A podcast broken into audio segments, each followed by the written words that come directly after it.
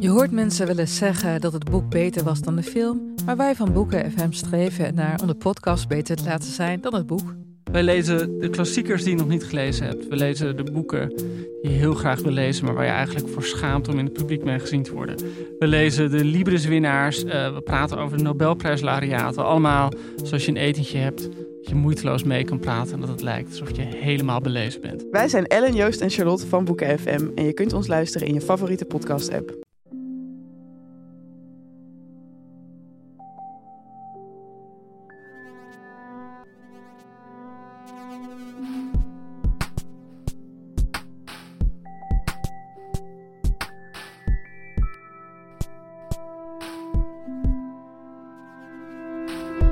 Hallo, dit is Pieter van Relaas. In Relaas hoor je waargebeurde verhalen verteld door de mensen die ze zelf hebben meegemaakt. We gaan luisteren naar een verhaal uit de kindertijd van Martien. Die was vermoedelijk net iets uitdagender dan die van jij en ik. Maar uitdagingen, dat zijn pas uitdagingen als je ze zo ervaart, niet?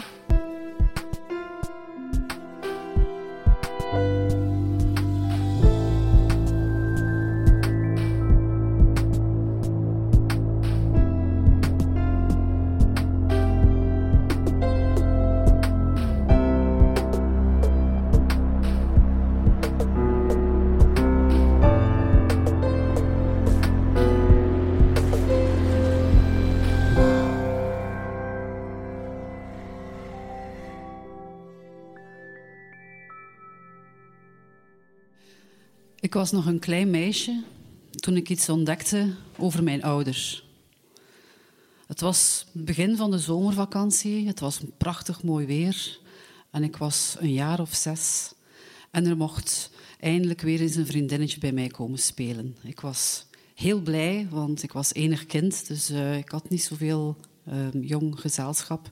En mijn vriendinnetje was, um, ik denk, een jaar of twee ouder. Dus die was acht. En we zaten in de tuin um, een gezelschap aan het spelen, uh, aan een klein tafeltje met, uh, met twee stoeltjes. En ik ging er echt helemaal in op. Ik was heel blij dat zij daar was en ik was heel blij dat we dat spel eindelijk eens samen konden spelen. Dat ik niet met mijn ouders moest spelen, maar met haar. Mijn vader was op dat moment ook in de tuin. Die was ja, aan tuinieren, weet ik veel. Ik had er niet echt aandacht voor, maar ja, die liep daar ook wat rond. Wij zaten uh, gezellig samen dat gezelschapsspel te spelen. Ik was ja, waarschijnlijk uh, net niet aan het verliezen. Tot opeens mijn vader mij riep. Martien, kom ik hier. Um, ik heb mijn boltouw laten vallen en ik vind hem niet meer terug. Kom ik vlug uh, hier uh, mijn boltouw zoeken. Oh, ja, ik ben gestoord um, in mijn spel. Dus ik kijk vlug um, naar mijn vader en ik zie daar die bol touw liggen. En ik, ik roep, wel ja, daar, je ligt daar, je pakt hem. En ik doe weer voort. Mijn vader is niet content met dat antwoord en hij roept mij nog een keer. Hij zegt, alleen Martin, kom een keer hier en raap die bol touw op, want ik vind hem niet. Ik zeg, maar nee, kijk, daar, hij ligt daar vlak voor u. Zie dat u niet? En ik doe voort. Waarop mijn vriendin recht springt heel ontzet. Zij loopt naar mijn vader, geeft hem die bol touw, keert terug bij mij en zegt tegen mij van... Allee, Martin, wat zegt hij nu? Uw vader ziet dat wel niet, hè? Uw vader is blind. Ik kijk naar haar en ik zeg... Wat, wat zeg jij nu? Hoe? Blind. Maar nee, hij ziet dat niet. Hij is wel... Ja, hij is blind. Ik wist van niks. Ik viel echt uit de lucht. Maar ja, het was zo. Mijn vader was al blind, al altijd geweest. Het, mijn moeder trouwens ook. Ja. Mijn moeder kon nog wel een heel klein beetje zien, maar um, was als kind ook altijd naar de blindenschool geweest, naar uh, Spermali in Brugge. Waar ze ja, altijd tussen, uh, tussen blinden en slechtzienden had geleefd. Uh, ze had daar ja, al heel vroeg braille geleerd en, en leren stoklopen. En ja, gewoon andere dingen wat, wat kinderen en jongeren leren op school, van alles. En ja, zij wist ook van niet beter. Mijn vader was een ander verhaal. Mijn vader is uh, pas blind geworden toen hij 22 was en uh, ongelukkigerwijze met zijn brommer is verongelukt. Hij heeft zes weken lang in coma gelegen toen. En toen hij wakker werd, zag hij niets. De mensen stonden rond hem te praten en hij zei, ja, ja ik hoor jullie wel hoor, maar uh, ik zie jullie niet. Dus hij was eigenlijk van de ene dag op de andere dag blind geworden. Hij was pas 22. Maar hij was nogal ja, een ondernemende plantrekker, altijd al geweest. En of hij nu blind was of niet, zijn leven ging gewoon voort. Um, hij was niet het type om depressief in een hoekje te zitten wenen met de gedachte van oei, oei, ik kan nu niets meer zien. Dus hij is eigenlijk redelijk snel na zijn, na zijn ongeluk uh, naar het revalidatiecentrum getrokken in Brugge, waar hij eigenlijk alles terug opnieuw heeft moeten leren. En dat gaat dan natuurlijk van de meest simpele dingen, zoals ja, je schoenen aantrekken en je veters knopen, tot tanden poetsen, um, je kleren aantrekken, een beetje ja, je huishouden beredderen, uh, boterham smeren bijvoorbeeld, koffie inschenken. Hoe doe je dat als blinde? Al zo'n dingen heeft hij daar geleerd. Maar ook meer. Hij heeft daar ook dan braille leren schrijven en braille leren lezen. Hij heeft leren met de witte stok lopen. Hij heeft leren op straat lopen, de bus nemen, de trein. Al zo'n dingen werden daar geleerd in dat revalidatiecentrum. In die periode heeft hij daar ook mijn moeder leren kennen. Die ging daar ook rond, want mijn grootvader gaf les op dat revalidatiecentrum, toevallig. Zo hebben zij elkaar leren kennen en ja, zelfs blinden kunnen verliefd worden op elkaar, zelfs al zien ze elkaar niet. Zij werden verliefd, zij hadden een relatie, ze gingen zich verloven en zijn uiteindelijk natuurlijk ook getrouwd. En na een tijdje werd mijn moeder zwanger van mij. En ze kreeg heel veel reacties. Uh, al toen ze zwanger was, maar ook zeker toen, uh, toen ik een babytje was, kregen ze heel veel opmerkingen van hoe doen jullie dat toch? Twee blinde mensen die samen uh, een, een, baby krijgen. Ah, hoe moet je dat kindje eten geven? Hoe geef je een baby eten als je die baby niet ziet? Ja, hoe ga je dat kindje een, een, badje geven als je het niet ziet? Als je niet weet waar, het is, hoe, hoe groeit zo'n kind eigenlijk op? Ze vroegen zelfs aan mijn moeder, maar alleen mevrouw, als u dat kindje een badje geeft, ga hij dat dan niet verdrinken? Maar ja, blijkbaar ben ik niet verdronken. En ik heb ook eten gekregen. Ik ben behoorlijk goed gegroeid, vind ik zelf. Ja, dat verdrinken, oké. In dat badje ben ik niet verdronken, maar ik ben wel een tijd later bijna verdronken. Of zo was het toch voor mij. Um, ik ging met mijn ouders ook op vakantie, ja, gewoon net zoals uh, ieder ander kind. Maar we gingen niet zo ver, we gingen meestal naar Limburg, naar een vakantiepark. En um, wij hadden daar een, een, huisje en in dat vakantiepark was er ook een, een groot meer. En dat was de tijd dat, uh, dat bijna elk kind een uh, klein rubber bootje kreeg om op dat meer dan uh, wat, wat, rond te varen en zo wat te spelen met dat bootje. En hoera, ik kreeg ook een rubberbootje met zo'n klein plastieke peddeltje. Ehm, ik kon daar net in, er kon niemand anders bij. En ik was uh, heel blij en ik was heel enthousiast. En ik, ik peddelde zo een beetje rond en mijn vader gaf mij een beetje een, een, een duw. Dat ik wat verder op dat meer uh, kon gaan peddelen. En ik peddelde en ik peddelde en ik uh, deed dat goed. Ik was blij, ik was fier op mijzelf. Dat ik echt in het midden van het meer geraakt was. En ja, ik vond dat tof. Dus ja, ik dacht van oké, ja, nu ga ik draaien met, mijn, met mijn bootje. En nu ga ik terug peddelen naar de kant, terug naar mijn ouders. En dat ging niet ja, ik, ik raakte niet vooruit. Ik bleef maar rondpeddelen op dat meer. En ja, ik raakte geen meter dichter naar die kant. En ik dacht, ah, ik ga hier uh, ja, moeten sterven op dat meer.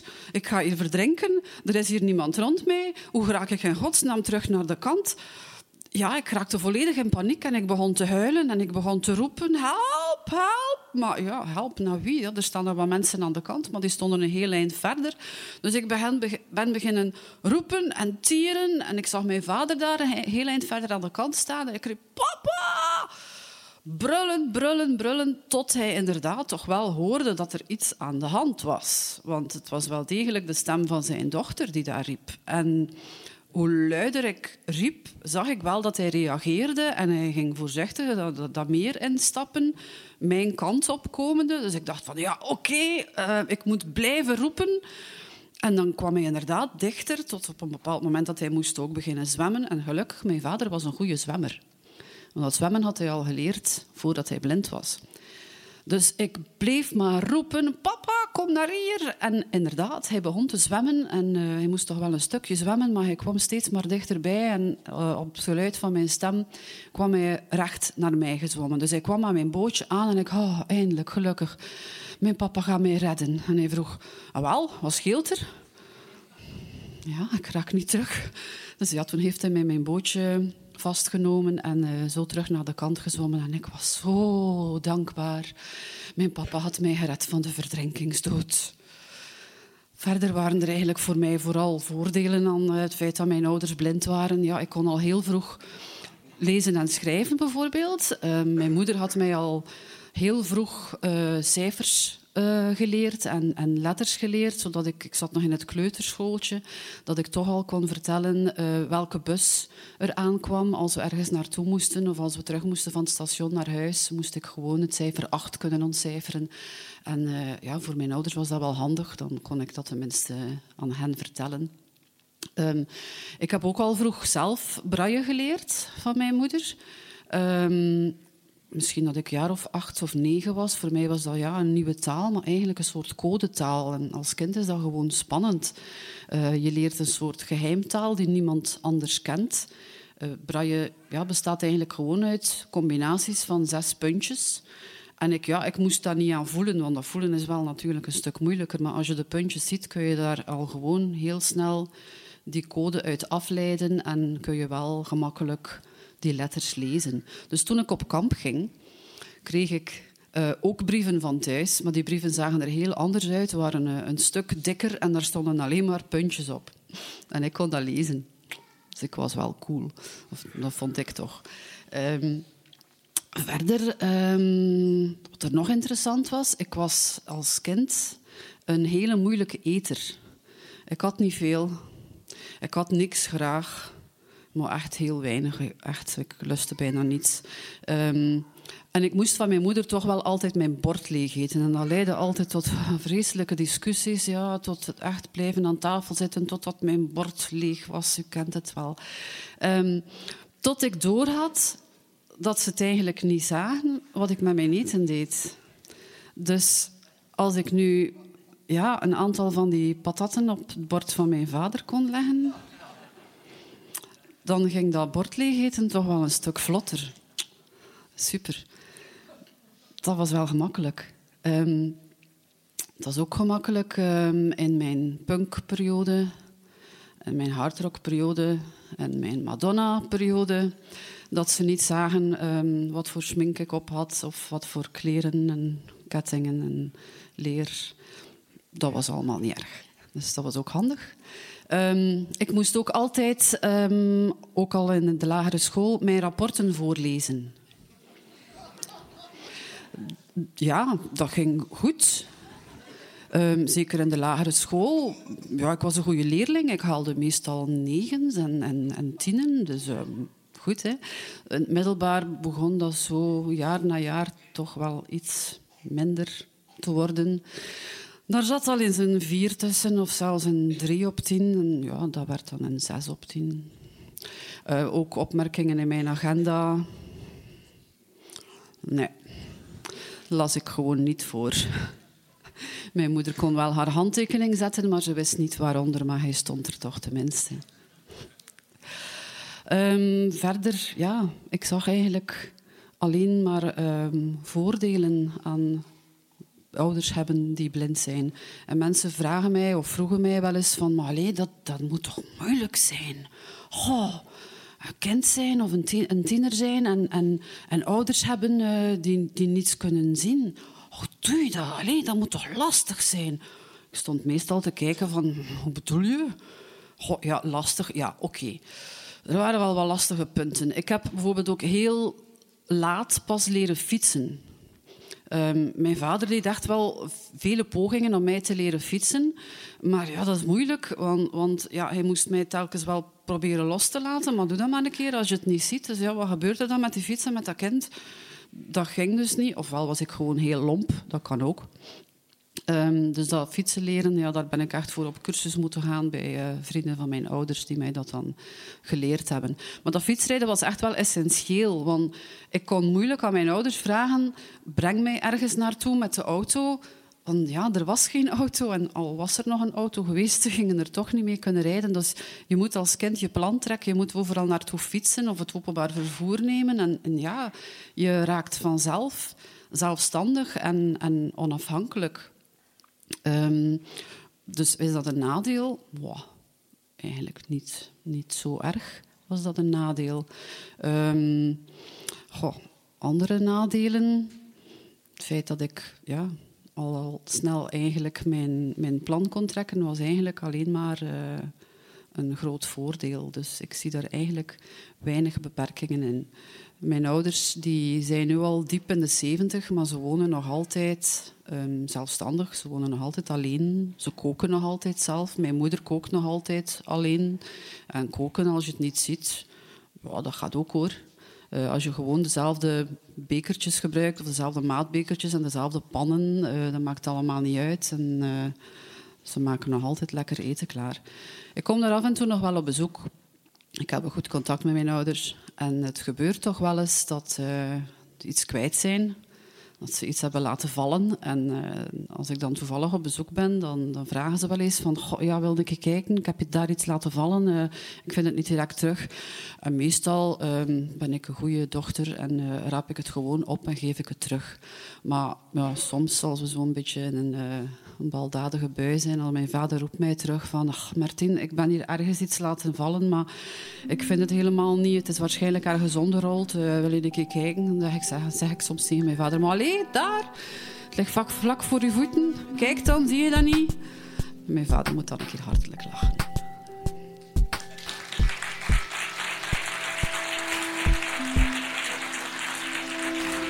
Dat was het relaas van Martien. Ze vertelde het in de Wasserij van Vlaanderen, dat is een ontmoetingscentrum in Sint-Amansberg bij Gent. We organiseerden toen een vertelavond op het Mixed Media Storytelling Festival. En je ziet het niet op de podcast, maar onze vertellers die stonden voor een green key. Dat is zo'n groen scherm waar je achteraf op de computer nog een achtergrond bij kunt zetten.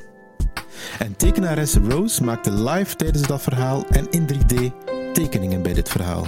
Straf. Martien heeft ook een eigen blog. Lees haar avonturen op tinyblogt.wordpress.com. Een van de relaasoprichters is Timon. Timon een radiomaker. Hij snuift Gentse cultuur alsof het zijn zuurstof is. Hij organiseert horrorfilmavonden en hij zorgt voor plek voor Gentse jongeren met een creatief idee. Bij Relaas begeleidt hij verhalen en zorgt hij ervoor dat de Gentse avonden een divers aanbod van vertellers heeft. Timon, bedankt voor al jouw enthousiasme. Je bent en je blijft een kanjer. Relaas krijgt centjes van de stad Gent en de Vlaamse gemeenschap om onze vertelavonden te organiseren. Er komt ook hulp van Urgent FM, De Hopzak, Huset, Hulp Deluxe en Chase. En van jou.